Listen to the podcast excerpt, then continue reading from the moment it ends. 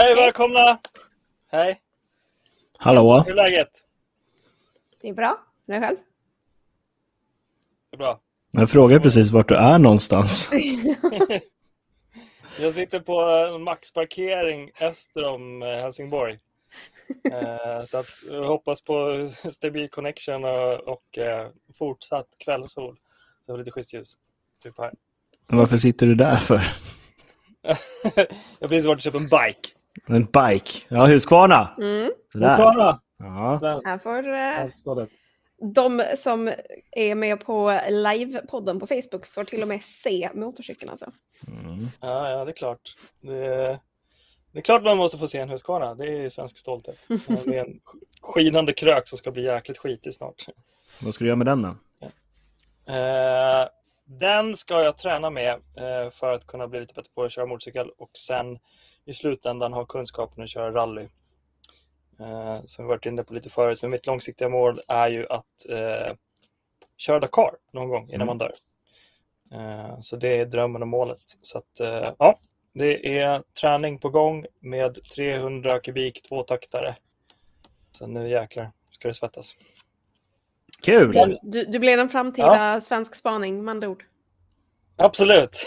kolla.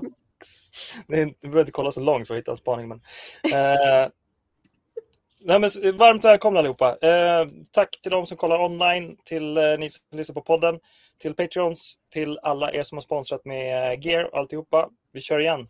Avsnitt 20 tror jag vi är på nu.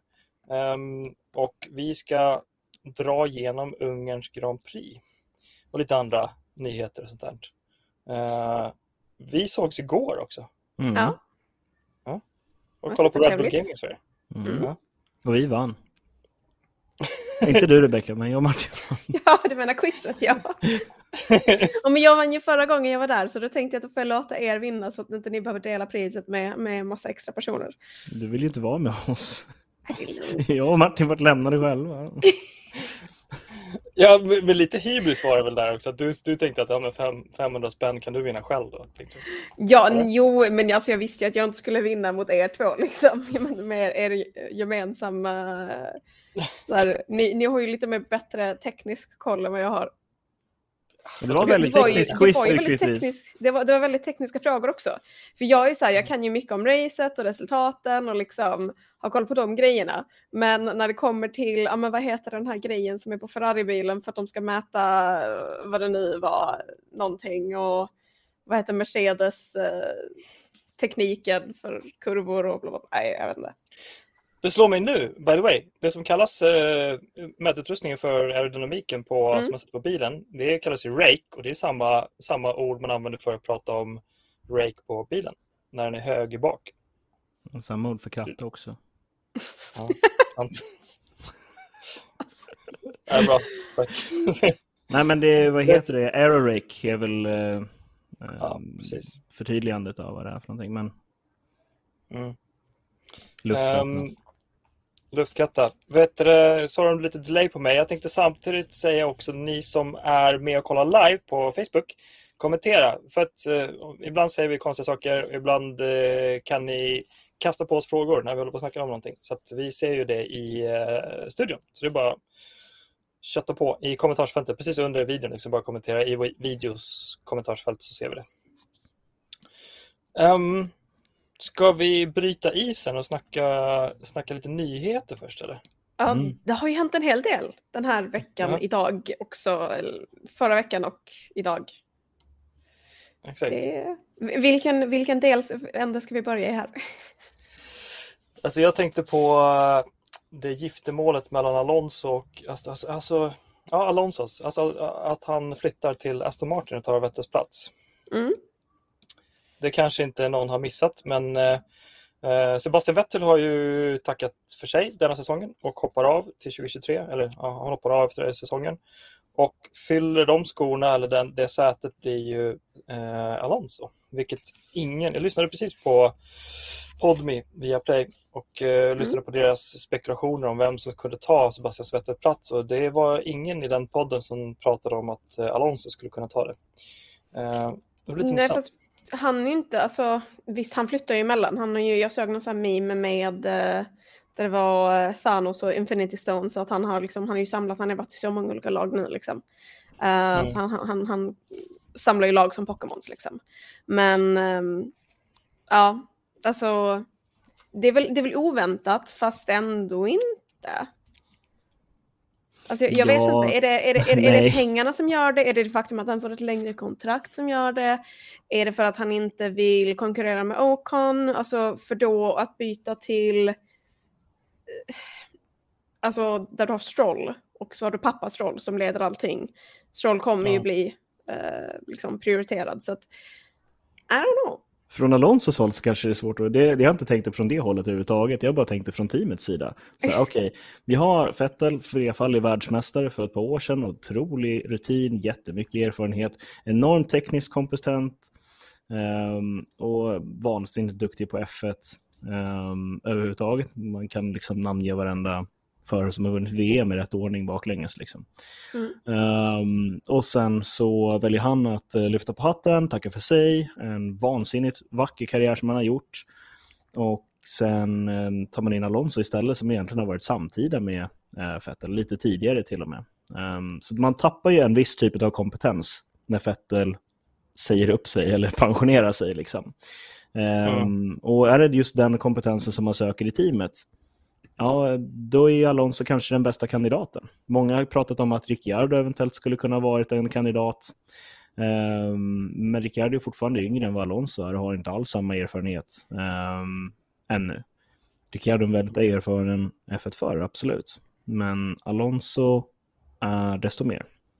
Men ni som um, kanske har lite bättre koll, vad, vad är skillnaden på bilen en, mellan en Alpine och en uh, Aston Martin? Liksom? Vad, rent tekniskt, liksom, vilken är bättre? Vilken är mer konkurrenskraftig?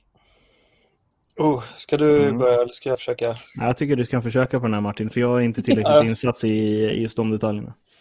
Jag kan göra ett försök, men jag kan eh, med händerna i luften säga också att det, det blir ett försök.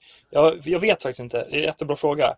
Eh, det har gått, förra, förra perioden, vad heter det, alltså hybridperioden innan, innan 2022, då fick man ganska bra koll på teamen och deras utveckling efter åren som gick, för det kom ut nyheter liksom år efter år. Så man fick rätt bra koll på, på bilarna då, eh, innan, det här, eh, innan det här reglementet. Så att jag skulle säga att det lite, jag har lite för lite kunskap att efter halva säsongen kunna pinpointa exakt skillnaden mellan Alpin och Aston Martin. Eh, jag eh, det, enda jag vet är att eh, Aston Martin har en ganska ny teamchef. Eh, nu minns jag inte namnet på rak arm. Hjälp mig, ni som kollar på live. Eh, vad heter nya Aston Martin? Han heter Mike Crack, heter han. Kommer jag på. Han är rätt ny och det talar väl för att de inte har gjort några större förändringar. Alpin Eh, de har ju fortfarande Renault i, i grund och botten och mig veterligen så har de inte alls haft stora tillförlitlighetsproblem i år. Vilket jag tycker är lite intressant. Eh, Aston Martin kör ju med Ferrari, nej Merca-motor tror jag, om jag minns rätt. Jag tror det. Yes, yes. Aston Martin, ja. eh, Mercedes. Ja. Just det. Så det är lite intressant att eh, Alpin som har, jag tror de är enskilt egen motortillverkare med Renault, Mm. Men eh, Aston Martin kör med Mercedes, så det, det tillförlitlighets... Eh, om vi approachar frågan utifrån tillförlitlighetsperspektivet så, så, så är de ganska lika. Eh, prestandamässigt eh, inte så lika för att vi har ju större Constructors eh, mästerskapsfight mellan Alpin och McLaren. Eh, mm. Så att Aston Martin ligger lite efter. Men... Ja, de ligger nia i Constructors just nu. Ja, just det. Sen så tror jag mycket av deras prestationer är på grund av Stroll. Jag tycker inte han är speciellt bra förare. sorry, alltså han, jag tycker att han har talang, men han har också en entitlement som antagligen kommer lite med eh, hur han har eh, växt upp. Som det har att göra med liksom. Han har inte mm. behövt kämpa på så sätt som, som många andra som kanske kommer från lite liksom, sämre förutsättningar. Med föräldrar som har varit F1-förare eller andra typer ja, av motorsportlegender. inte, inte så här Nej, men... E- eller liksom en pappa som, som köper lag åt en. Mm, jo, jo, jo, det är kontroversiellt. Uh, men han är snabb. ja. Men han är också, uh, han tycker om att klaga. Mm, det Så fick vi höra eh, från Ungerns GP också. Nej, men eh, ja, vad, vad kan man tänka sig då? Eh, från eh, Aston Martins sida så känns det väldigt eh, självklart eh, att man vill ha Alonso, eh, kan jag tycka. Mm. Men sen är frågan då tillbaka, ehm, varför eh, Aston Martin? Jag menar, Alonso har ju en gång i tiden pensionerat sig och valt att komma tillbaka till F1 och valt att fortsätta köra i F1. Ehm, och har man valt att pensionera sig så har man väl också valt egentligen att lägga ner sin eh, alltså, kamp för att bli världsmästare skulle jag väl kunna säga. För då har man kanske erkänt för sig själv att nu är jag färdig med det här, min hunger är över och lite, lite sådär. Sen kan det alltid finnas en hunger för att fortsätta tävla, fortsätta göra bra resultat ifrån sig. Och, eh, I ett material som kanske inte är mästerskapsvinnande så finns det ju en rad andra olika utmaningar som teambuilding, vara lagledare, hjälpa till och liksom utveckla. Och det är precis det behovet som Aston Martin har idag.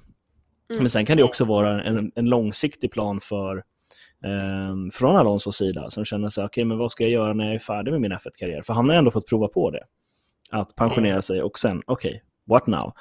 Ehm, och vill man jobba med motorsport så eh, varför inte kliva in under eh, ett eh, team som handlar av Mercedes? För då hamnar man ju lite grann i alla fall under Mercedes-paraplyet och eh, jag menar, Mm. en framtid där, där Russell har eh, Alonso med sig i sitt management på ett eller annat sätt. Som Mm. sakkunnig eller liksom sådär. Ehm, det, ehm, det verkar som att Alonso är så pass passionerad för den här sporten att han kommer nog vara kvar väldigt länge. Jag tror att vi kan eh, se en ny Niki Lauda i eh, Fernando Alonso. Som Mm. eventuellt kommer driva team och eh, gå den, den vägen också. Jag kastar in det här bara som eld. Vad, vad säger ni om eh, Sebastian Vettel stannar, kvar som eh, team senior advisor eller som manager och kör med Alonso? Vadå, alltså, Så han har ju inte sagt att Vettel stannar kvar i Aston Martin fast har en mer en teamroll istället för Alltså, förare. Så, så, som, så som jag tolkar i alla fall hans retirement-planer så känns det ju som att han kommer ta ett steg tillbaka från F1 helt och hållet i officiell kapacitet för att Mm. fokusera på, på annat. Men det säger ju inte att han inte kommer komma tillbaka för han har ju en passion för sporten. Det kommer ju alltid vara en del av honom men som han sa under sitt tal att vad vi gör definierar inte oss. Nej, nej det är sant. Det känns Ändå som en, att... Det är en long shot. Jo, nej, men det, det känns lite som på, på hans, ja, inte avskedstal, men ehm, att det, det finns nog lite filantropiska ambitioner hos honom. Ehm, så det ska bli intressant att se vad han gör, men att ha Vettel kvar i Aston Martin tillsammans med eh, Alonso som förare, det hade ju förändrat det teamet nog otroligt mycket Ja. tror jag. Eh, för den gemensamma kompetensen och sådär. Men eh, vanligtvis när en förare kliver över till att eh, sluta köra men ändå vara kvar i teamen så är man väldigt tydlig med att kommunicera det för att det är, det är bra för teamet. Att säga, okej, personen slutar, eh, tar av sig hjälmen i alla fall, men kommer vara kvar i teamet och fortsätta promota samma sponsorer och sådana saker. Och det är något som vi har sett i, i många delar av motorsporten. Och det är också ett sätt att behålla sponsorer. Om du har sponsrat en specifik förare i väldigt många år och ditt företag är otroligt eh, kopplat till den personen så är det bra om du har den personen kvar i teamet även om den inte kör. Då kan du behålla sponsorn också. Um, så det är många, eh, eller ja, in, inom flera delar av motorsporten där du köper kvar en förare för att behålla sponsorn. Och eh, ger föraren en ny roll i företaget så att säga. Det, det jag Ja. verkligen, verkligen hoppas för Vettels del i alla fall det är att alltså, han stannar inom sporten i den kapaciteten att han försöker göra bra. För det har han jobbat väldigt mycket med och han har liksom skapat en, ja, men en bild av, av sig att liksom, han, är, han är omtänksam. Han, är, han bryr sig genuint om de olika liksom, ämnena som tas upp. Just det här liksom, att de liksom, we race as one. Liksom. Och, och den typen av eh, arbete hoppas jag att han stannar kvar inom F1 för att liksom bidra till. Det, ehm, kan jag hålla med om. Och det ehm, är, F1 är en viktig arena att ehm, eh, trycka på eh, ja, det låter fel att säga västerländska värderingar kanske, men Um, Goda värderingar kanske? Ja, och det är också väldigt subjektivt vad det är för någonting. Just nu mm. när F1, um, um, som man gjorde förr så undvek man att tävla så mycket man kunde i uh, icke-demokratiska länder och idag så gör man det desto mer. och jag tror att det påverkar nog ganska mycket av förarna, uh, vad man får se och uppleva och skillnaden på uh, hur man blir behandlad i olika länder och sådär. Mm. Um, och ehm, Det kan ju vara positivt på väldigt många olika sätt, men man kommer absolut se skillnad um, på vad en offentlig person är i en typ av kultur och vad en offentlig person är i en annan typ av kultur. Jag, jag har en liten magkänsla på att uh, Vettel vill göra lite samma bana som Jean Tott gjorde. För att Jean Tott var ju väldigt aktiv i Ferrari under väldigt många år. Mm. Och sen så gled han mot att jobba mot, med FIA och var president av FIA till MBS tog över. Nu kommer jag inte ihåg Bins eller Jam. Men eh, det gissar jag mer på att Vettel gärna vill lägga sina, sin tid och energi på det arbetet. Att jobba med FIA och den typen av etiska ståndpunkter. Jag tror, jag, jag, ärligt talat tror inte jag han försvinner helt från racingen. Jag Nej. tror han Definitivt. Han vill no ha någon typ av roll. Jag har bara den känslan av att han älskar för mycket. Liksom. Ja, men alltså det är ändå någonting som har definierat honom genom åren. Även om han inte är F1 eller F1 inte är honom så är det liksom det är ganska starkt koppling. Det, det finns en stark koppling mellan de två. Mm. Men eh, så här då. Vem tar mest poäng? Sebastian Vettel i år eller Fernando Alonso nästa år? Alonso? Oh, bra fråga. Eller? Nej, men det kommer bli intressant i alla fall att följa och se och, och slå en jämförelse mot. Um, ja. Dels för att ja, okay, det har varit en ny bil i år uh, och det är väl, uh, drabbar väl kanske de mindre teamen mer för att man har mindre resurser att prova uh, komma fram till saker och ting. Um, och um, sen är det väldigt svårt, liksom, hur mycket banar Fettel iväg utvecklingen för Aston Martin nästkommande år? För det kan vara så att ja, men under det här året så lär man sig otroligt mycket och Fettel samlar in otroligt mycket information och, och ut, ger ordentliga utvärderingar till teamet. Att det här, det här, det här och det här, det är det ni behöver jobba på eh, in, inför nästa år och sen så kommer det sitta en annan förare bakom bilen då. Och um, hur mycket input kan Ja, jo, jo. Uh, men hur, hur, mycket, hur, mycket, nej, men hur mycket input kan, kan Fernando Alonso ge uh, till ett team som man inte har kört bilarna? Till exempel. Och om vi säger så här, kommer det bli en klassiker tror ni med Alonso i alpin att han kommer stöta sig med befintliga team, teammedlemmar, förare etc. för att han inte längre ska få information om hur och vad som händer med alpinbilen för att han har tagit ett steg åt uh, Aston Martin. Tror ni att hans poäng kommer börja dala nu? Och de ger Ocon lite bättre delar. Alltså jag tror att de redan har, för de har ju visat någon slags föredragande för Ocon redan. Det mm. har vi ju märkt liksom. Och det, det har ju varit en stående rivalitet mellan de två. Och, alltså jag tror att det som jag mest hör från eh, Alonsos radio är ju I'm faster. Okej, okay, redan. Då är det så. Så alltså, det, det jag ser fram emot nästa år, det är att ha Alonso som är en sån jäkla energi. Både när det kommer till han vet att han är eh, liksom talangfull och han har haft en karriär för att liksom bevisa det. Och sen Stroll som har så mycket att bevisa. Mm. Och jag tror, alltså för jag menar, vi har sett den här säsongen, Alonso med handen som liksom så här gestikulerar och ja, alltså jag tror, det, jag tror det kan bli lite krascher inom Aston Martin nästa år. Om de ligger i närheten av varandra. Ja, verkligen. Usch, det är drama. Drama kommer upp.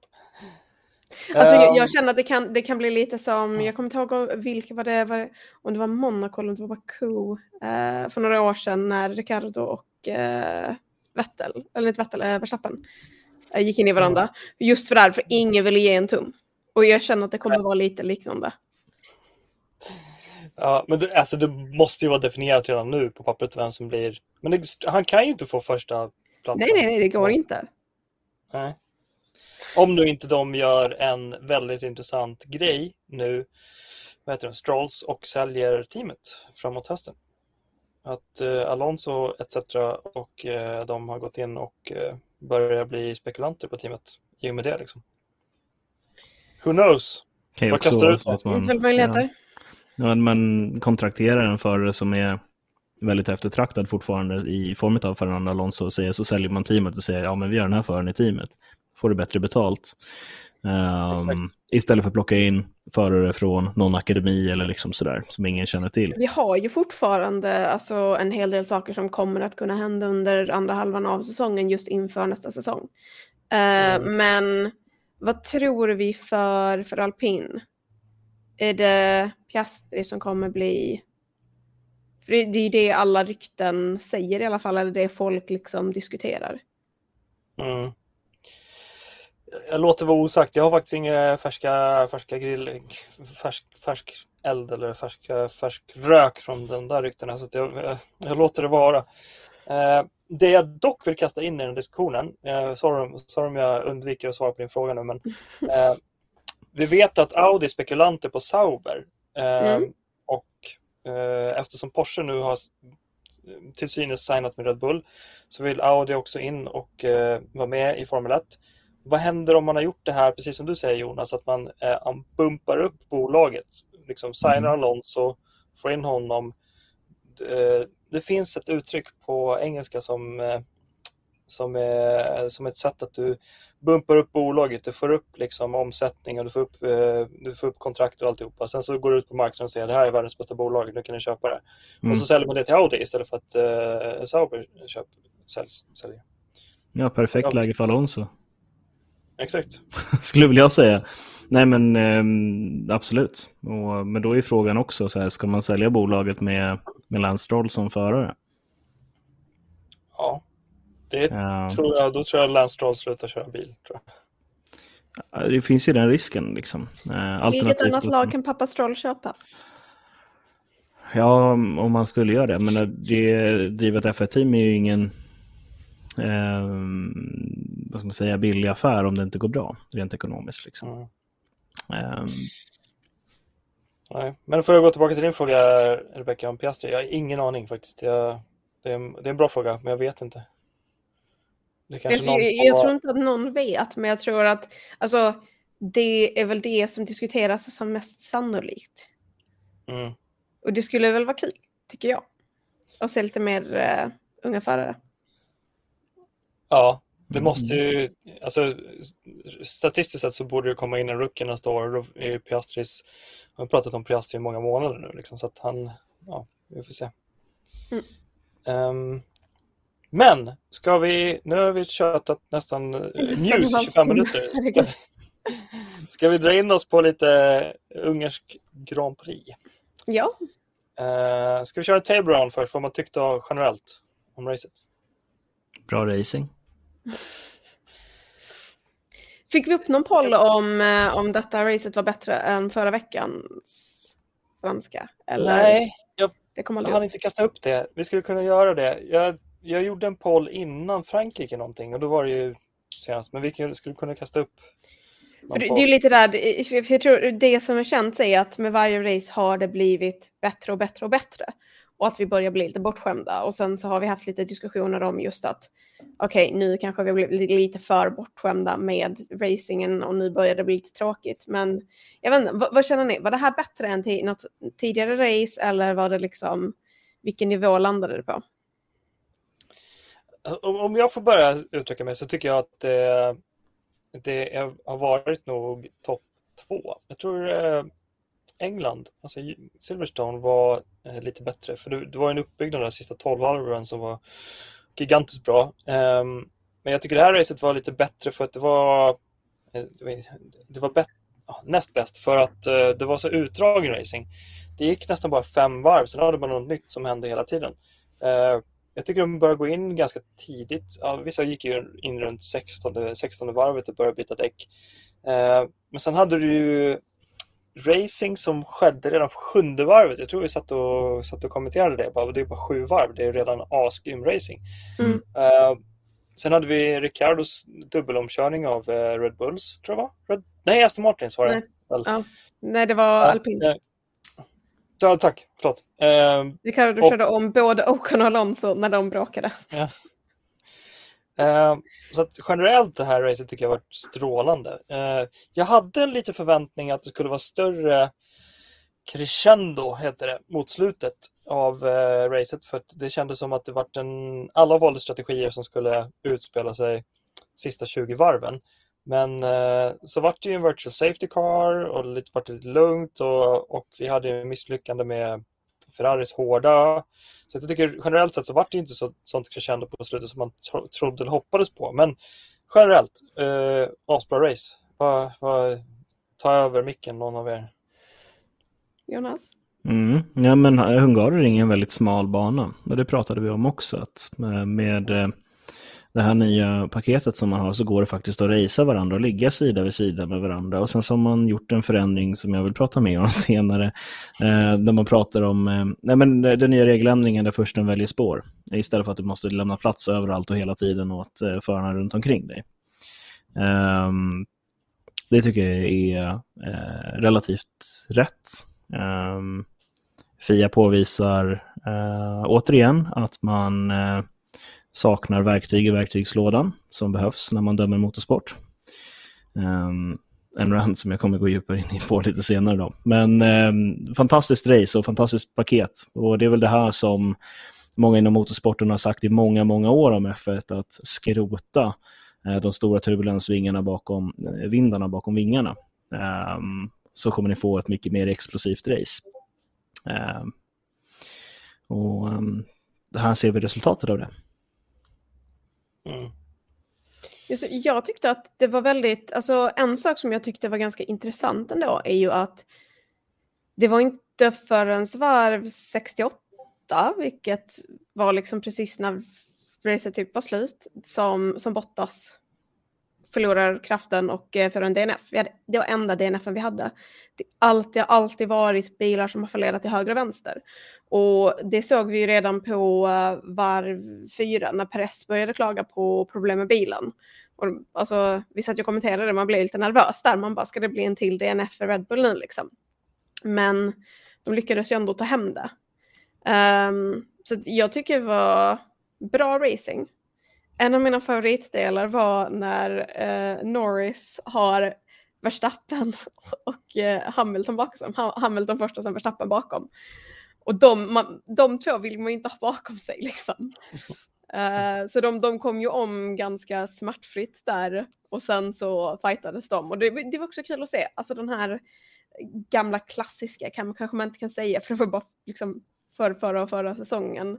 Men ändå liksom att få se Hamilton och Verstappen fightas lite är ändå, ändå kul. Um, bara lite synd på, på Norris, måste ha blivit lite nervöst där.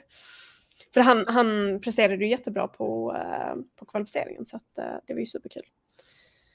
Mm. Men ja, nej men all in all, alltså bra, bra racing tycker jag. Jag tycker däremot inte att den har varit avsevärt mycket bättre det här racet än tidigare race, skulle jag säga. Mhm. Intressant. Vad roligt. Får se, Jag jag, vet inte- inte, jag vet inte om folk som kollar, kollar live kanske har lite kommentarer och åsikter gällande vilka race de har föredragit. Men alltså jag älskar ju Hungaroring som bana. Eh, jag tror det är kurva 4 och 5 där. Alltså där tycker jag ju det är superkul att se. För jag, jag vet att typ under eh, förra året så var det ju jättemycket problem för eh, Hamilton att komma om Alonso. Alonso stängde den dörren ganska hårt på omkörning jättemånga varv. Och just den kurvan är det väldigt alltså, tekniskt svårt att köra om. Men liksom det har hänt och eh, nej, jag tycker bara det är kul för att Hungaroring som bana är, är väldigt bra. Det är ju eh, förutom spa en av mina favoriter skulle jag säga. Vi hade många bilar i ledning också.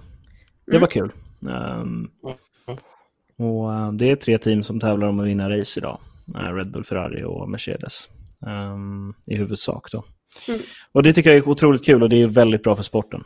Um, även här på Hungaroring så en lite annorlunda bantyp då. Um, Men det, det jag tycker är intressant där också, det är ju, och även inom de här lagen är det väldigt jämnt. Mm. Alltså det är inte, det är inte en så här tydlig liksom, här ligger första föraren och här nere ligger Mm. andra föraren på den nivån, utan det är väldigt jämnt och väldigt nära och det är väldigt mycket talang, väldigt kompakt i liksom det främre fältet. Ja, det är väl bara Red Bull jag skulle säga som är väldigt, väldigt tydligt. Liksom. Att Verstappen alltid är lite snabbare än vad Perez är och sådär. Men eh, Ja, alltså jag skulle säga, men det kan man väl se i match också. Jag menar, Hamilton får ju fastest-lapp och mm, jag tror inte Russell har fått något fastest-lapp än så länge i alla fall. nej, nej. Men ja, ska vi eh, rulla in på lite flaggor kanske? Prata lite detaljer. Vi, jag tycker vi gör det. Jag, jag tror eh, min eh, video kanske laggar men jag hör er live väldigt bra så vi fortsätter Mm. as, we, as we think. Men absolut, vi kör lite flaggor. Är det någon som vill eh, börja? Ska vi börja från den röda änden? Ja, det ska vi göra. Jag tycker vi börjar från röda änden för att den kommer vi och det kommer ju ta lite tid. Jag tror att vi alla har samma röda flagga idag. Vem vill börja prata Ferrari? Jag har, jag- får jag börja på den? För att jag har en eh, liten intressant Mm. vinkel där. Jag kanske inte har Ja. samma som ni har. Ehm, jag tar mig tillfället att göra det och då tänker jag så här. Ehm, orsaken till att ehm, jag tror Ferrari är så pass dåliga är för att de inte hade förväntat sig inför den här säsongen att vara så pass bra. Mm. Ehm, jag tror alla hade väldigt stora förväntningar på att eh, det skulle bli en fight igen mellan Red Bull och Mercedes. Eh, nu blev det inte det på grund av att Mercedes var väldigt dåliga i början på säsongen. Nu, nu är de uppe på podiet såklart. Men, eh, och det tror jag också, eh, jag tror faktiskt en orsak till att vi har konstant röda flaggor på Ferrari är för att de inte har satsat någonting i sitt team på strategier eller liksom eh, förtänksamhet när det gäller sin racing utan de har satsat endast allt på, eh, på en otillförlitligt snabb motor och bil. Och det har de lyckats med. Men nu har de glömt allt det andra. De har inte liksom satsat någonting på det inför det här året. De har endast satsat 100% på att det ska bli en snabb performancebil. Och det är därför jag tror de liksom, jag undrar om de har missat rekrytera en strategi, strateg liksom, som Red Bull har lyckats med i år. Så det är ju min röda flagg-analys. Klar. Vill? Men så, jag tycker att de har en jättesnabb bil men de har ingen liksom struktur, liksom organisationellt på så sätt. Eller i alla fall när det kommer till hur de leder laget under race. För jag menar, vi har ju sett vid tillfällen, typ Monaco där de kör en double stack och där de säger till Leclerc att han ska gå in och så fort han kommer in i pitlane så säger de stay out, stay out och han är redan inne, de kör en double stack, de kör över, alltså Leclercs race var ju förstört på grund av det liksom. Och samtidigt så förra, förra racet i, eh, i Frankrike när, eh, när Sainz liksom ligger mitt i en omkörning och de bara box box, man bara ser du inte vad dina förare gör? Alltså, de har ju samma videos som vi har och antagligen överallt. Ehm, och så att alltså, det, det, det är supertråkigt att se, för jag menar Leclerc är verkligen där, han har farten, han har kapaciteten och han blir om och om igen överkörd av Ferrari-strategin. Alltså de här hårda däcken, det var ju verkligen så här, man bara, vad gör ni? Men det, det, det, alltså, man sitter där och det, är så här, det, kan ju vara lätt för oss att säga alltså, som, som en så här keyboard warrior, och bara, men så här kan ni inte göra liksom. Men Ja. jag förstår inte vad de hade för data som stöttade det beslutet som gjorde liksom, för att de besluten måste ju fortfarande tas av någon och de måste grunda sig i något där du faktiskt liksom kan förklara att jag har tagit det här beslutet för att datan visar att det här är en vinst. Alltså han blev oförmögen att eh, skydda sig för liksom någon omkörning. Alltså jag menar vi hade två omkörningar max för att Max körde om, spann ur och körde om igen. Och liksom han hade ingen möjlighet att, att beskydda sig i de situationerna. Och det är, alltså jag tycker det är så jäkla dumt när du har en förare som har kapaciteten, som har kunskapen, som har viljan och du har en bil som klarar av det men du har inte strukturen i laget bakom som stöttar det.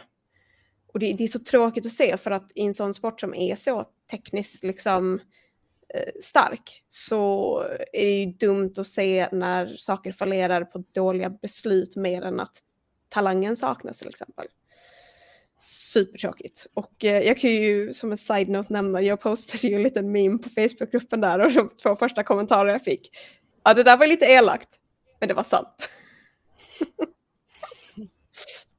Just om Ja. Ferrari. Ja, men det. Jag pratade ju med lite grann om eh, efter racet att jag misstänkte att man eh, hos Ferrari har eh, fokuserat på att bygga en bil som är snabb när den är tung. Mm. Full tank, för de är alltid snabba i början av racen och alltid varit det och sådär. Och då kontrade Martin med, ja men de kvalar ju alltid bra, um, Ferrari-bilarna. Så det, det är ju det som har varit liksom mina så här, söndagnattstankar när man inte kan sova. Liksom. Varför? Nej, jag sover ju inte dåligt på grund av Ferrari. Man ligger Jag är vaken hela okej, nätter. jag- är Ferrari-fan, absolut. Helt, rätt att sova dåligt om du inte ligger och tänker på det. Tänkte Men alltså hur Ehm. kan man inte vara ett fan av F1 och liksom inte vara ett Ferrari-fan? Det är liksom... Ja, men lite så är det. Men, men det jag landade i då, det är så här, ja men eh, i motorsport så pratar vi om att eh, oftast, alltså, i, i synnerhet i ovalracing, då bygger du antingen en bil för, för short runs eller long runs. Eh, Omstarterna, omstart snabb, snabb i 20-30 varv där någonstans, eller en bil som går fort i 80 varv mellan däckstinterna. Liksom. Eh, och tittar vi på eh, kvalstatistiken i det här läget så har Ferrari 8 pole positions i år. Red Bull ligger tvåa på fyra. Och kan det bara vara så att den här Ferrari-bilen som man har byggt, den är skitsnabb i korta stinter. Mm. För att det är alltid i, alltså titta på början av de flesta racen under den här säsongen, Ferrari går bra i början. Mm. Sen kommer halvtid. Och det, det jag pratade om där med, med dig Martin och, och Rebecca om eh, när det gällde vikten så tror jag att eh, eftersom att man är snabb i början så får du ju vissa datapunkter. Så här, ja, men så här utvecklas bilen över racet. Mm. Sen när du kommer till mitten då händer någonting med våran bil och den går långsamt. Och alla andras bilar, Mm. helt plötsligt så börjar de gå snabbare. Och jag tror att det är där paniken kommer. Ja, vad gör vi nu? Mm. ja, vi drar en rövare, slänger på hårda däck och så får vi se hur det går. Eh, Ja. För vi måste göra någonting. För att, och jag tror att det är väl egentligen bubblan som Ferrari måste sträck, spräcka här. Eh, hur blir vi snabba sista halvan av racet? Ehm, och det är därför man gör så strategiskt konstiga saker för oss som tittar. Att de förstår att vi har ett problem efter halva racet. Mm. Och det kanske inte vi som tittar ser, utan vi ser bara konstiga strategiska beslut. Mm. Men de försöker kompensera för en svaghet som de har genom att ta, dra rövare liksom strategiskt. Eh, Sen är det vissa saker som blir rena rama misstag. Och från vår del tror jag att det det är väldigt enkelt om man tittar på många experter som säger att ja, de borde ha tittat på de andra bilarna, hur de gjorde, för de som gick ut på hårda däck från början, K-Mag bland annat, som var absolut först på hårda. Hur gick det för dem? Ehm, Fick de någon fart i sina bilar? Men varje F1-bil är ju unikt byggd från varje team. Det är inga standardbilar det här där alla får precis samma bil att köra med. Så det går inte riktigt att dra den slutsatsen ehm, från vad de andra teamen gör. Ehm, men eh, sen handlar det också om att lära sig den nya generationens bil, vilka typer av däckhårdheter funkar på den och vilka blir för hårda och vilka blir för mjuka. Kanske inte är så att du någonsin ska köra på supersoft eller ultrasoft med den här bilen för att den bilen man har byggt, den vill ha hårdare däck och den kommer gå fortare med dem. Ehm, Mm. man får inte ut det gottigaste liksom. Och samma sak åt det hårda hållet då. Nej, jag kastar in en till kommentar där på- apropå att eh, de valde hårda där. Det tycker jag är eh, konstigt. Jag lyssnade på en annan podcast. Där pratade de också om, liksom, om det valet att de valde hårda. För att det, det de konstaterade där var att under alltså, träning tre på fredagen då eh, var det väldigt varmt men jag tror det regnade så att de fick inte till en, eh, en träning, en stint på hårda däck. Jag tror i alla fall inte Ferrari, men det var någon av de andra teamen som hade testat hårda då. Men det regnade så att man fick inte till en riktig run, en long run på hårda. Och att sen Ferrari ändå kastar på hårda däck under race, eh, trots att man vet att det inte finns någon bra data. Och den data som fanns var ju typ under racet från de andra som låg längre ner i fältet på hårda. Att man ändå chansar att gå på hårda tycker jag är lite eh, konstigt ändå. Så att, ja. Men de var ju strategierna. Ja, precis. De gjorde ju det. Exakt. De liksom satt inte äh, alla ägg i samma korg. Det är smart, så Nej. ska man ju göra. Men samtidigt, liksom, det ska du var försiktig med om du gör det på Leclerc som, som ledde ganska många varv. Jo, men, men samtidigt är det också en, en hint om, tror jag, att man måste fortfarande lära sig mer. Att de känner att vi mm. behöver samla mer data, annars hade man kört på samma strategi på båda två, för då visste man att det här är den optimala strategin. Um, och sen vet jag inte om det är särskilt bra att göra det på, på den föraren som eventuellt skulle kunna vinna ett mästerskap med. Um, eller så tänker man långsiktigt att det här mästerskapet i år, det kommer bli alldeles för svårt för oss att ta under det långa loppet för att man ser hur, vilka ut, vilken utveckling till exempel Mercedes gör race för race nu. Uh, mm. Och att man försöker samla sig så mycket data som möjligt inför nästa år. Precis. Det är min Ferrari Roast. Nej, vi, vi, vi, kan hålla på länge och och Ferrari ja, kanske, vi kanske ska gå vidare. Snarare mitt försvarstal. ja, jag, jag la ju till en, en till röd flagga också faktiskt. Mm. Att, um, alltså, jag, jag, jag blev inte jättenöjd med vädret ändå. Jag hade ju hoppats på regn. Så det är väl det enda jag kan säga om det. Liksom. Att, uh, jag, jag hade velat se ett blött race. Men, uh, och det var ju ändå lite samma sak, de här satellitbilderna, och det var på väg att komma in. Och, uh, det var lite radio så här att nu kommer det ner lite. Liksom. Och det blev ju aldrig någonting. Och det var så, det var så synd, för att jag hade velat se strategivalen, hur det hade blivit annorlunda med just Går du för inter, ska du för full wets, liksom hur mycket kommer det regna och så vidare och så vidare. Men Ja, jag gillar, jag gillar när det är blöt racing för då, då får du ändå fram, du får fram talang så mycket mer i förare. Um, som jag tror det var som sagt uh, Schumacher när han körde, att man liksom, han var bättre men ganska jämn nivå med andra förare under normala förhållanden men när det regnade då var det tydligt vem som liksom ledde. Och det, det är kul att se när sånt kommer fram liksom och det, hade jag önskat att vi fått på Hungaroring, men det fick vi inte, tyvärr. Nästa race kanske. Det snackas om att det ska regna i, vad var det, spa? Ja, alltså kan vi, du får bara flashbacks till förra säsongen och det vill vi inte ha. Nej, kanske inte. Då regnade det för mycket. Ja. Regnväder kommer, regnväder går. Har du några röda Martin? Ja, nej men jag hade bara Ferrari rött. Eh, alltså det är ju... bara måste på Ferrari där. men sen har jag en gul, en ganska, ganska, ganska konstig gul. Ska jag hoppa in och ta gul mm. eller? Ja, jag har en röd kvar. Jaså? Ja, oh, förlåt, ja. kör. Ja, jag bara fråga. Nej, men eh, det um, handlar väl om det som jag var inne på, uh, reglerna kring uh, första väldigt spår. Mm. vi hade en situation mellan Ricciardo Stroll. Kanske, och Stroll. Ja, precis. Ja. Där Ricciardo fick en... Eh, eh, Ricciardo låg på insidan i alla fall. Eh, Stroll låg på utsidan. Stroll hade passerat med halva bilen före. Eh, och kurvan svänger runt så liksom. Eh, och Stroll har traction ute på utsidan och viker över och förväntar sig att eh, Ricciardo ska sakta ner och inte vara där. Men i en omkörningssituation så är det i regel så att det är väldigt svårt att hålla in bilen och ge mer plats eh, på insidan än vad du kan göra på utsidan. Eh, eftersom att du i regel i racing ligger på insidan för att köra banan så kort som möjligt. Um, och här visar sig, tycker jag, det här, den här typen av reglement, de svagheterna som finns i det. Jag tycker personligen att det här är det bästa sättet att bestämma. Alltså, vem ska bestämma vart du ska ligga på banan? Um, jo, jag tycker att den som leder och först ska kunna välja spår och kunna placera bilen lite vart den vill. Um, sen så kan man ju vara mer eller mindre gentlemannamässig och lämna lite yta till bilen bakom istället för att eh, tränga ut den av den här banan som vi såg bland annat i starten det här racet. Um, där man liksom, ja men det är en bil på utsidan men först den väljer spår och eh, smäller vi så är det den som får bestraffning liksom. Och i det här läget så uh, viker Stroll in över Ricciardo. Båda kör sönder sina bilar på grund av den manövern. Bara för att Stroll vill att Ricciardo ska bromsa.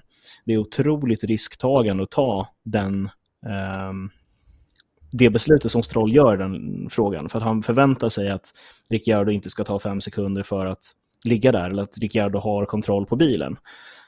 Um, en erfaren förare tar inte de riskerna för att det kostade mer för Stroll än vad han fick tillbaka av den situationen. Men är det, är det oväntat för Stroll? Det är väl ganska typiskt Strolls uh, alltså, attityd. Um, det låter jag kanske vara osagt från min sida, men um, det, um, det blir inte schysst från någon på båda sidorna. Men däremot så väljer Fia då att bestraffa Ricciardo för situationen och ge honom fem sekunder för det. Mm. Och uh, i min mening, när du har en bil som går fort på insidan och du har eh, en racing-situation och det kanske är svårt att, att, säga att ja, men hade han verkligen full kontroll på bilen och kunde bromsa ännu mer än man gjorde för han stod ju stenhårt på bromsen redan där eh, för att undvika kollision med Stroll som helt plötsligt Nej men från ingen... nej, men, nej, men, jag pratar mycket med mina händer. Uh, som många har fått erfara.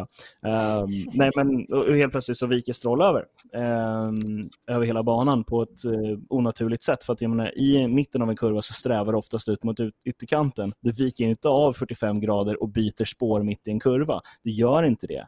Uh, och då tycker Fia att ja, men det här var ju Ricciardos fel så han ska få fem sekunder för det. Och då tycker jag att man har läst regelboken och missat det som kallas för racing incident. Och det är precis vad fler tävlingsledare behöver lära sig vad det innebär för att det är det som skapar spänningen i sporten. Att okej, okay, nu hände en grej här. Vi kör racerbilar i väldigt höga hastigheter. Vi har inte stenkoll på vad vi gör. Det är, mm. det är inte krocket vi håller på med här. Liksom. Nej, jag måste hålla med dig. Jag, I den situationen så blir jag, blir jag liksom konfunderad över den bedömningen. Varför kan det inte vara en racing incident? Alltså för att att klart döma och säga att det är han som har gjort fel, det tycker jag är för mycket begärt av en förare. Och liksom så här, nej det... Ja, vad tycker du? Skulle, du skulle Men alltså om, om, om, vi ser, om vi ser till historiska beslut eh, så tror jag också att det handlar om att man måste ta definitiva beslut baserat på tidigare bedömningar. Och att de kollar antagligen på de här incidenterna, jämför dem med tidigare incidenter och, och kollar på datan de har. Och för att inte lämna något utrymme för att, aha, här gjorde de en bedömning att det var race incident. Men om vi kollar på den här liknande eh, incidenten så ser vi att de har dömt på ett annat sätt. Och det känns så som jag tror det, att stewards försöker att vara mer enhetliga i sina bedömningar. Mm. Uh, vilket gör att de kanske ibland kan göra bedömningar som kan ses som, som fel, liksom, men att det då hänvisas till liksom, en tidigare. Nu har inte jag läst rapporten för just den här incidenten, men jag vet att de till exempel gjorde det i Monaco när um, Mercedes klagade på att uh, Red Bull var över uh, pitlane-linjen. Och uh, då hänvisade de liksom till ganska tydliga så här, liksom, praxis att så här är det. Så här har vi bedömt tidigare och så här fortsätter vi bedöma. Och det är ju så jag ser den här incidenten, att de tar ju antagligen en tidigare incident och säger vi har gjort den här bedömningen tidigare, vi fortsätter göra den här bedömningen. Um, och sen så får ju liksom det här, det tvistar de lärde om, liksom att det, det kommer alltid vara skilda meningar vid incidenter på det här sättet. Um, mm. Och då, då, handlar det också mycket om så här, men, förarbeteende. Liksom, ska Ricardo förväntas lägga på bromsen där för att han inte har rätt, han inte har linjen? Eller är det för att Ricardo kommer från den gamla skolan och faktiskt tycker att han har rätt att ta det utrymmet medan Stroll tycker motsatsen?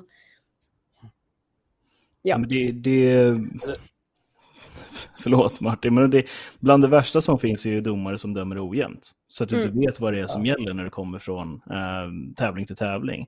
Men det som potentiellt skulle kunna vara ännu värre, det är domare som tar dåliga beslut. Så resten av domarkårerna resten av säsongen måste ta dåliga beslut också. Mm. Ja, ja det, men har, det, vi, har vi haft någon sån här incident tidigare i säsongen? Mig, alltså det, vad sa du? Har vi haft någon liknande incidenter tidigare i säsongen som de har dömt fel? Jag, jag tycker att de gjorde fel här helt enkelt och ja. jag är öppen om det. jag, tror, eh, jag tror vi ska nästan eh, konstatera att den här kan vi prata om en hel kväll, en hel podd. Ja. Men ska, ska vi rulla vidare? Ska vi, vi är inte ens inne på gula än, vi har också gröna kvar. ska vi, vi gå in på ska... gula? Vi kör gult, lite ska, kort och koncist va? Ska jag, ska jag mjuk, mjuka in eh, lite här med min gula som faktiskt går till, till Ricardo? Um, för att just för den här uh, förseningen som han fick på fem sekunder, han fick en penalty. Och oavsett om det var rätt beslut eller inte så är det en bestraffning han fick. Så att det gör att det inte blir en grön flagga, annars hade det blivit en grön flagga för att han hade, han hade alla förutsättningar under, under racets gång.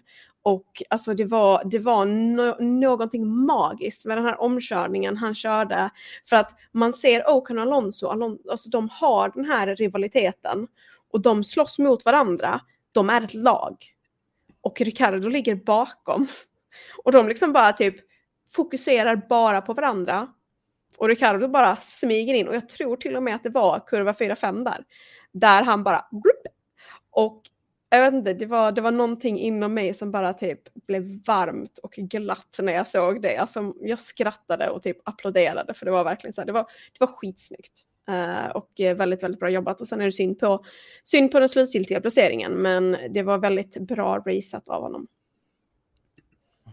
Så därför blir det en gul flagga. Fully agree. Det är nästan mm. no comments på det. Nästan. Nästan.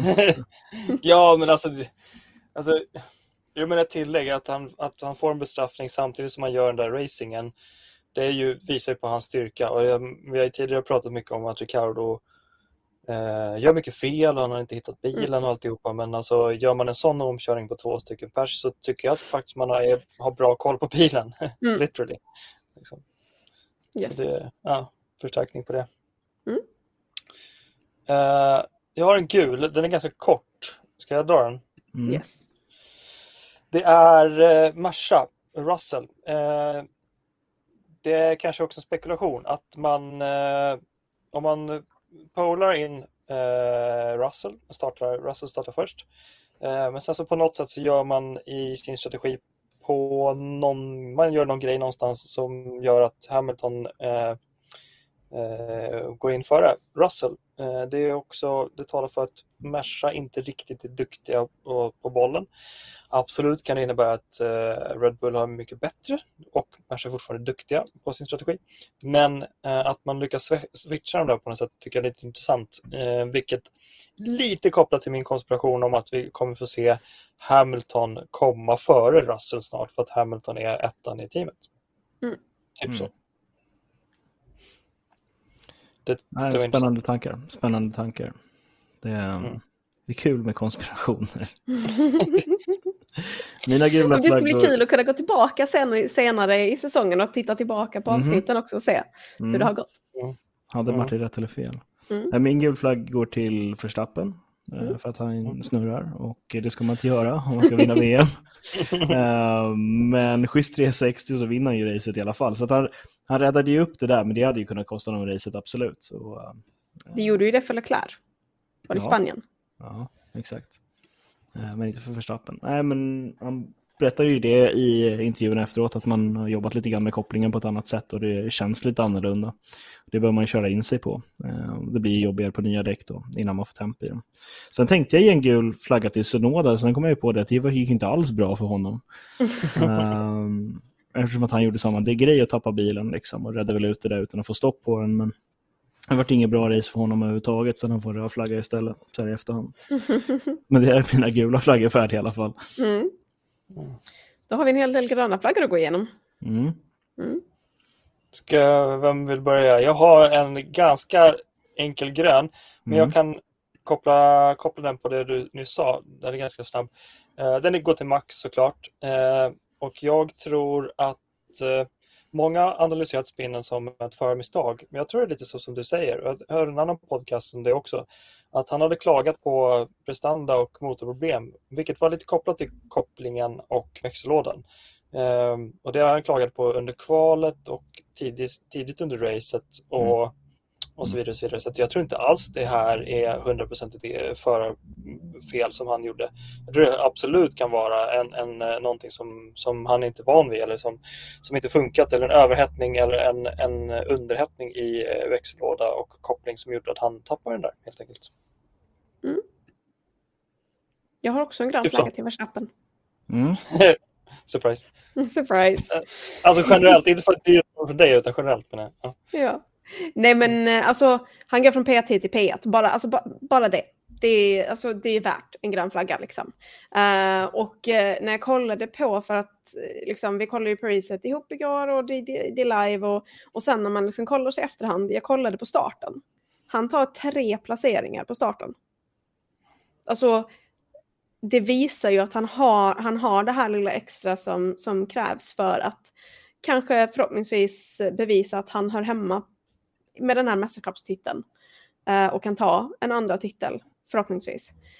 Um, så det tycker jag, alltså jag menar, uh, visst han körde, han spann ut, men han, han fick två omkörningar på, på Leclerc och sen är det ju också det där konstant som jag har med Leclerc och Verstappen att vinner Verstappen för att Leclerc har otur eller liksom misslyckas på något sätt eller är det för att han faktiskt har talangen och, eh, och har farten?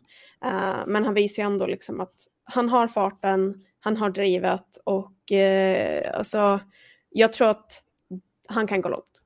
Uh, och hoppas och håller ju på det som sagt. Inte biased. Nej, men han har någonting speciellt, Max Verstappen. Så är det mm. absolut. Och, um, han har allting som krävs för att vinna världsmästerskapen. Och jag tror att det är snarare en fråga om hur många gånger han gör det, snarare än om han gör det. Mm. Um, har du några fler grejer? För...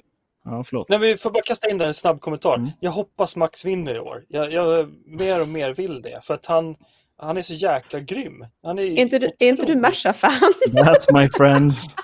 Is a man men... lying straight in my face. Nej, det är faktiskt helt sant. Ja, ja. Ni får vara hur källkritiska ni vill till mitt eget uttalande. Men, men, men det är men... faktiskt helt sant. Jag, jag, vill faktiskt mer och mer för varje race som går. Och när vi ser Max prestationer som vi såg igår. Alltså jag blir mer och mer så här praised. Mm. Ordet jag söker. Det är, jag tycker att han ska vinna i år för att han är så jäkla grym mm. förare. Personligen. Okay. Jag kan ta min, min andra gröna flagga då som också går på temat att hålla på någon som är ett lag man inte själv håller på. Um, Hamilton får en grön flagga från mig. Um, ja. Ehm, alltså, jag har nämnt det under de tidigare podcast, jag fortsätter nämna det. Hamilton börjar komma tillbaka mer och mer. Han får fast slapp, han går från P7 till P2. Han har farten. Uh, och jag, menar, alltså, jag såg också, det finns en video från när han kollar tillbaka, han går ur bilen och så kollar han tillbaka på bilen och den här P2 liksom plakatet och kör en liten sån här liksom fistbump typ till sig själv. Och Alltså, och det, det, är så kul att se, för jag tycker alltså framförallt efter hur, hur förra säsongen avslutades och hur den här säsongen har börjat för Hamilton och Mercedes, så känns det så skönt att se att han ändå hamnar lite i sin liksom rättmätiga plats att han faktiskt, för att han, han är en sju gånger, han är världsmästare sju gånger om och han, han förtjänar liksom att vara på podiumet och han börjar komma tillbaka mer och mer och jag vill se en Hamilton-vinst snart. Även Vad som är det här? Du korsar våra åsikter. det här är ju jättemysigt. Ja. Jo men alltså grejen är så här, vi, vi, är väl, vi är fan av sporten, inte, alltså ja, du kan ha ett favoritlag, du kan ha favoritförare men fortfarande, det är så här, vi, vi drivs ju av att se när det går bra för liksom de som, är, de som vi ser som är duktiga och talangfulla liksom. Ja. I don't know. Man vill ju ha, man vill ju ha en tight fight liksom, så är det ju liksom, mm. verkligen. Resan i personlighet som Hamilton gör den här säsongen tycker jag är väldigt viktig för eh, hans eftermäle. Eh, och hur vi kommer se på Hamilton i framtiden. För att jag mm. menar, det här med att han tittar tillbaka på P2 och liksom så här, fan, det här var bra. Mm. Eh, fyra år sedan. Då var han inte mm. trevlig när han kom tvåa. liksom. eh, men det är helt andra för, förväntningar vad man har på, eh, på sina resultat. Liksom, och, och sådär. Nej, men ehm. han har väl satts lite liksom, på plats av av det på så sätt. På sätt ja, liksom. precis. Mm. Ja, men absolut. Och han gör det jättebra. Det är um, kämpigt i början. Um, kommer in en ung chaufför i form av George Russell. Um, som han tidigare liksom knappt med lyfte ögonbrynet mot kanske. Mm. Och um, nu ligger han före honom i mästerskapet och då är det okej, okay, man får liksom stämma in sig på någonting annat. Liksom. Men mm. uh, Hamilton får en grön flagga från mig. Uh, Verstappen mm. får också en grön flagga för mig. De gör fantastiska race båda två. Um, men du gav en gul till Verstappen, ska du ge grön Ja, jag också? vet, men han kan få en grön också. Jag menar, Sonoda fick ju en röd istället för en gul, så vi kompenserar lite grann. Um, Carlos Sainz ska ha en grön flagga för mig. Han gör ett jättebra race uh, med Ferrari-bilen som han sitter i. Jag tror inte att den är tillräckligt snabb i slutet av racet för att kunna göra någonting bättre än vad de gjorde med där. Uh, I alla fall på Hungaroring. Mm. Jag tycker att Ricciardo ska ha en grön flagga för uh, omkörningen som han gör.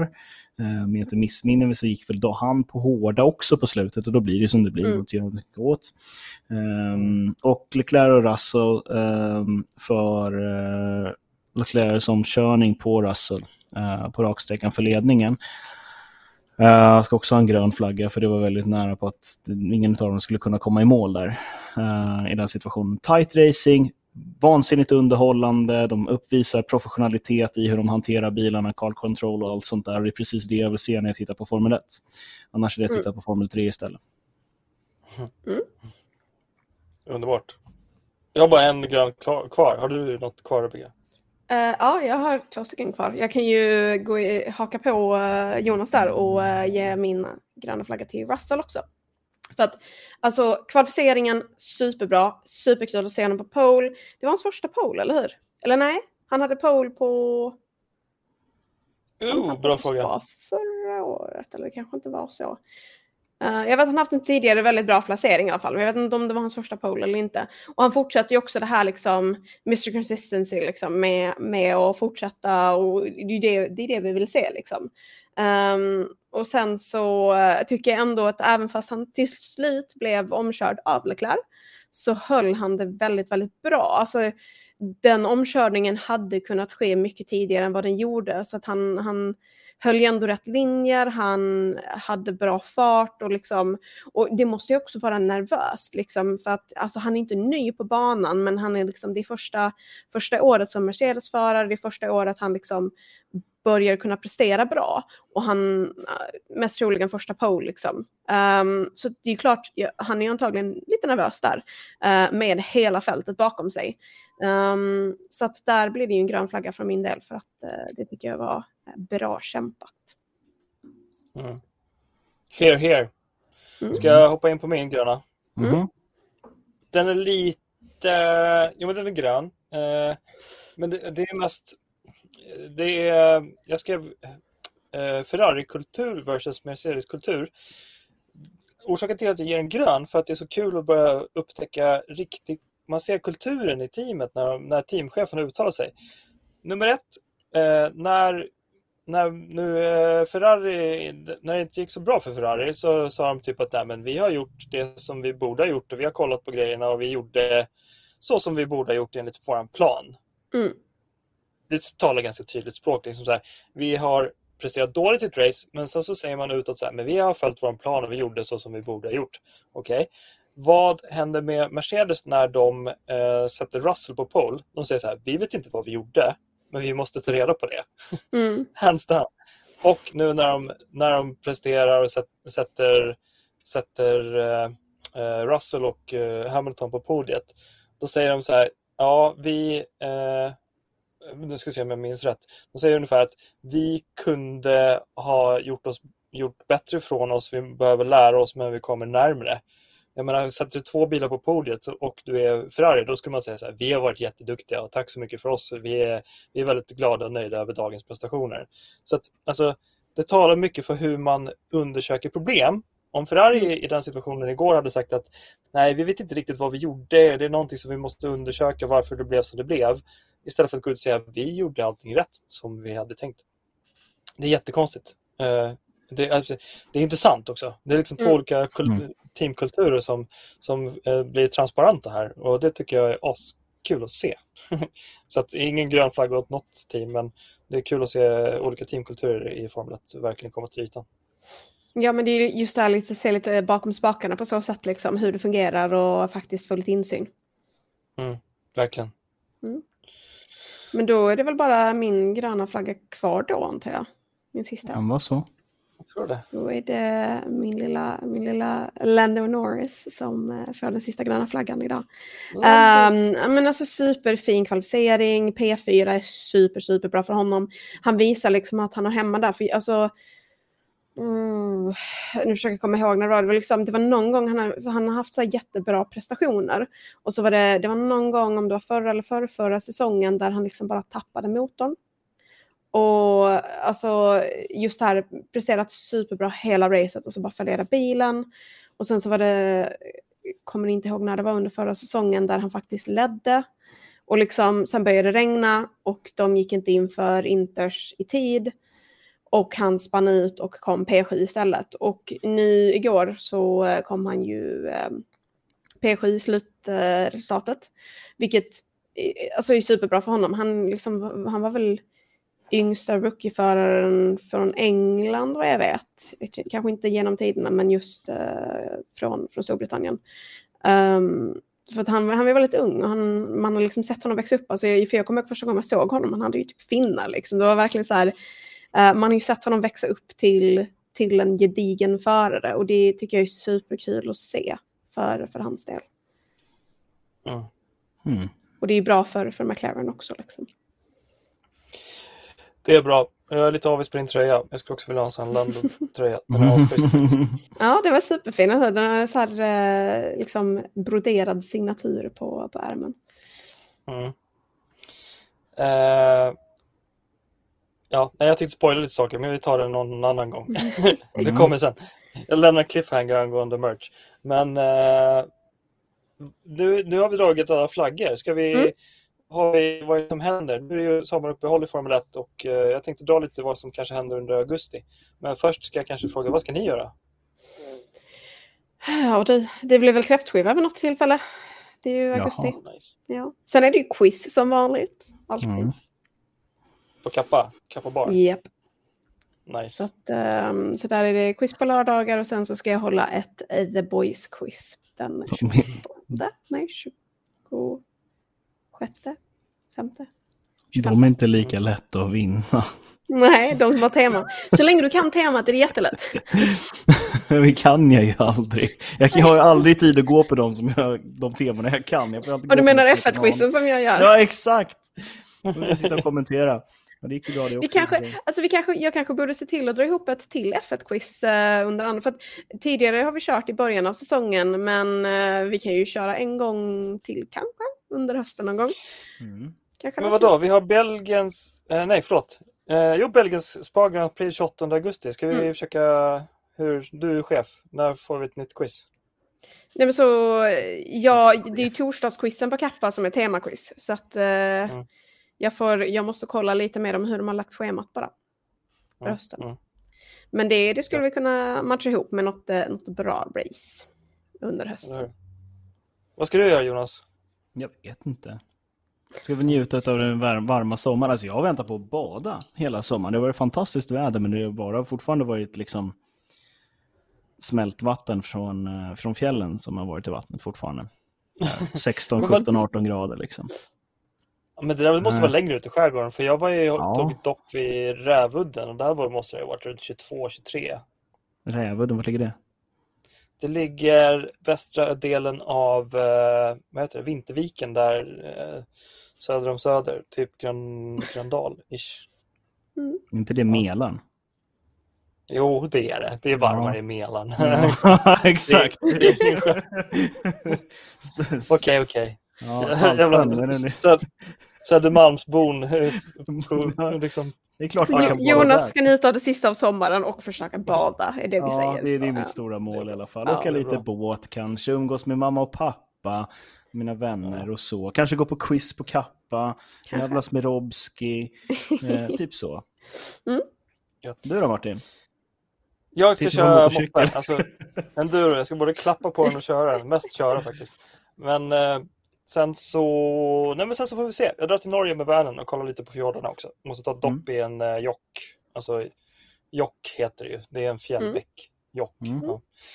Ehm, så typ så. Men annars, vad som händer på racingen, det är typ det tar inte helt slut. Alltså, vi har ju fortfarande Marcus Eriksson och Felix vi kan följa och det är nästa söndag, så nu på söndag, eh, så Machine Big City. Det där om race och sen så har vi 21 eh, augusti, typ om tre veckor ish. Där är också ett Indycar race. Ehm, och sen efter det, 28 augusti, har vi eh, Belgiens Grand Prix. Så att, ja, har man jättetörst så måste man ju följa våra svenskar i Indycar såklart. Mm. Eh, det ska man ju. För de får inget sommaruppehåll. Men vi tar lite sommaruppehåll så, så får vi Ja. se när vi kommer tillbaka helt enkelt. Eller hur? Vad tycker ni? Mm. Ja, men förhoppningsvis den 29 augusti med tanke på att det är dagen efter eh, spa. Eller hur? Eller hur? Mm. On that. Bombshell, som de sa i en tv-serie. Eh, tack för denna vår, kan vi säga. Mm. Eh, Ja, precis mitt i sommaren. Tack, tack för Tack för dessa vår, för 13 denna- race. Exakt. Eh, tack till alla som kollat online. Ni hänger fortfarande med och kollar online. Det är askul att det är fortfarande folk som kollar. Tack till er som lyssnar på pods. Eh, till er som har sponsrat med laptops. Alla våra sponsorer. Eh, alla som hänger i gruppen. Alla ni eh, passiva, aktiva och alla som kommenterar in. Det är askul. Alltså, vi växer så det knakar. Eh, stort tack för, eh, för denna vår. Tack Rebecka och tack Jonas. Tack Stort så tack, mycket. Martin. Glad sommar på er. Vi syns och hörs. Ha det fint. Hejdå. Ha det. Hej. Hej.